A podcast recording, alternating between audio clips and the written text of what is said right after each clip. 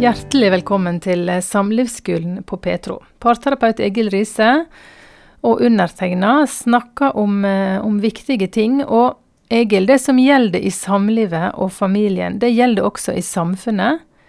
Og akkurat nå er samfunnet vårt inne i en læringsperiode, har du sagt. Absolutt. Jeg tror det er veldig viktig å tenke på at det er akkurat det det. For mange vil jo mene at vi har jo Dette er jo ingen eh, bomber som hjelper på det som er oppe i nå. Det er ingen eh, fregatter som hjelper. Og mange vil mene at vi er ikke særlig godt forberedt på det som skjer nå. Eh, så det som er det, det eneste vi vet, er at det kommer til å skje igjen.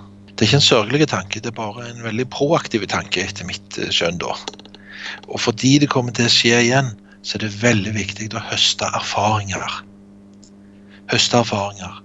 Så det vi gjør i samfunnet, sånn som jeg bare oppfatter det Jeg er jo ikke noe sånn, jeg er jo bare en familieterapeut. Men jeg, mm. sånn som jeg oppfatter det, de erfaringene vi gjør, de gjør at man kan evaluere hva er det som er effektivt å hjelpe, og hva er det som er mindre effektivt.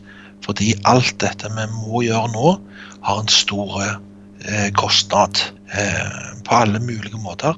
Så det å høste erfaring, læring, veldig viktig. Og hvorfor sier jeg det? Hva skal det ha med den enkelte å gjøre? Jo, vi hopper litt, da. Du vet, Norge er et samfunn med mye tillit. Det er grunn til å tro at vi stiller lojalt. For det er sammenheng mellom at vi er lojale med hverandre, og at det er tillit i samfunnet.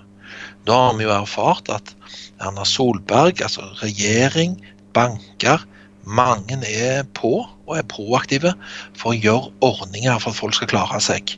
Støtte folket. Myndighetene støtter folket. Og folket støtter lojalt opp. Så det virker begge veier. Mm. Folk er lojale, og myndighetene er lojale med folket. Tillit. Er du med? Mm. Um, for eksempel så er jo det egentlig et veldig godt samfunn å teste ut om ting virker når du i grunnleggende kan stole på at folk er lojale. Så, så det her det i Norge, tror jeg, men det er min tro, men jeg tror at i Norge er et veldig godt eh, sted å forske på effekten av ting. Fordi det er mye tillit i vårt samfunn. Fordi vi er lojale mot det myndighetene sier. Jeg skal gi et eksempel. Du vet, og dette er vidunderlig. Ja, det, det, si, det, er sørgelige tider, men det er noe vidunderlig. Du vet, Den dagen um, Forbruksforskningsinstituttet de gjorde en undersøkelse eller, på hva som skjedde når det ble kjent uh, med koronaepidemien, og at det ble tiltak. Og Da undersøkte de om hvor mange folk som gikk til butikken og hamstra. De sa ikke hamstra, men hvor mange gikk og hamstra likevel. Og da fant de ut at én av fem, altså 20 av 100, 20 de kjøpte ekstra av sånn tørrvarer og sikkert dopapir. Ja. ja. Ja. Men det betyr jo at åtte av ti, 800 av 1000, 80% de hamstra ikke den dagen. Flere av de la vekt på at de ville ikke bidra til hysteri.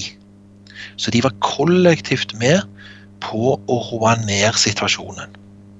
Og Det er jo veldig kjekt å vite om en flokk og et samfunn at man alle er med til å bidra til å holde seg litt eh, samla og nøkterne. Mm. Det er ikke en kritikk mot, som, mot, følelser til folk, men at vi tenker på det som en løsning. Vi må være rasjonelle. Det var rasjonelt å være rolig. Og av de så ble det spurt altså De ble spurt, disse her 88 av 10. De ble spurt. Men hva skulle til da for at du skulle for at du skulle hamstre? Og da svarte ja, la meg anslå sju av ti. Sju av ti av alle som gikk i butikken, sa at for at de skulle hamstre, så måtte det være fordi myndighetene anbefalte det. Det betyr at 70% legger vekt på og stoler på helt ned til basisbehovene som mat, at vi kan stole på de myndighetene vi har. Det pålegger jo myndighetene et kolossalt ansvar til å være pålitelige når vi stoler så mye på dem. Mm. Men det gjør òg mulig at vi kollektivt i dette samarbeidet, som alt dette er, at vi kan få det til.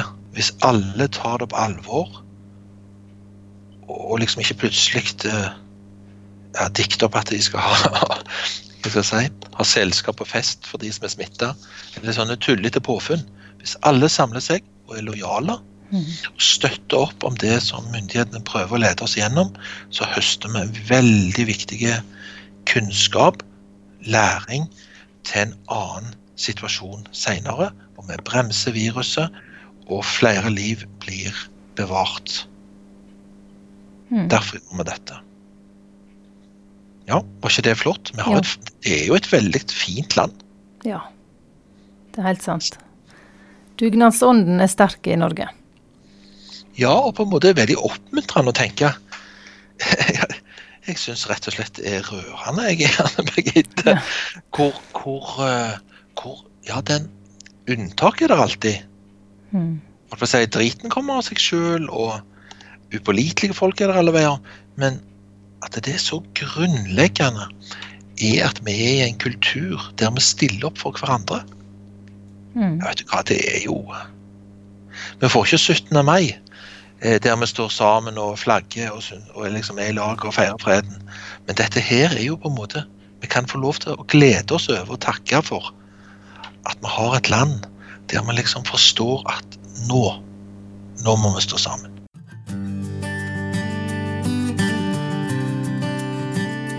Hvis du eller dere som par eller familien trenger noen å snakke med, er Egil Riise åpen for samtaler. Familieterapeut og samlivsterapeuten arbeider over telefon og digitalt. Du finner kontaktinfo på risefamilieterapi.no.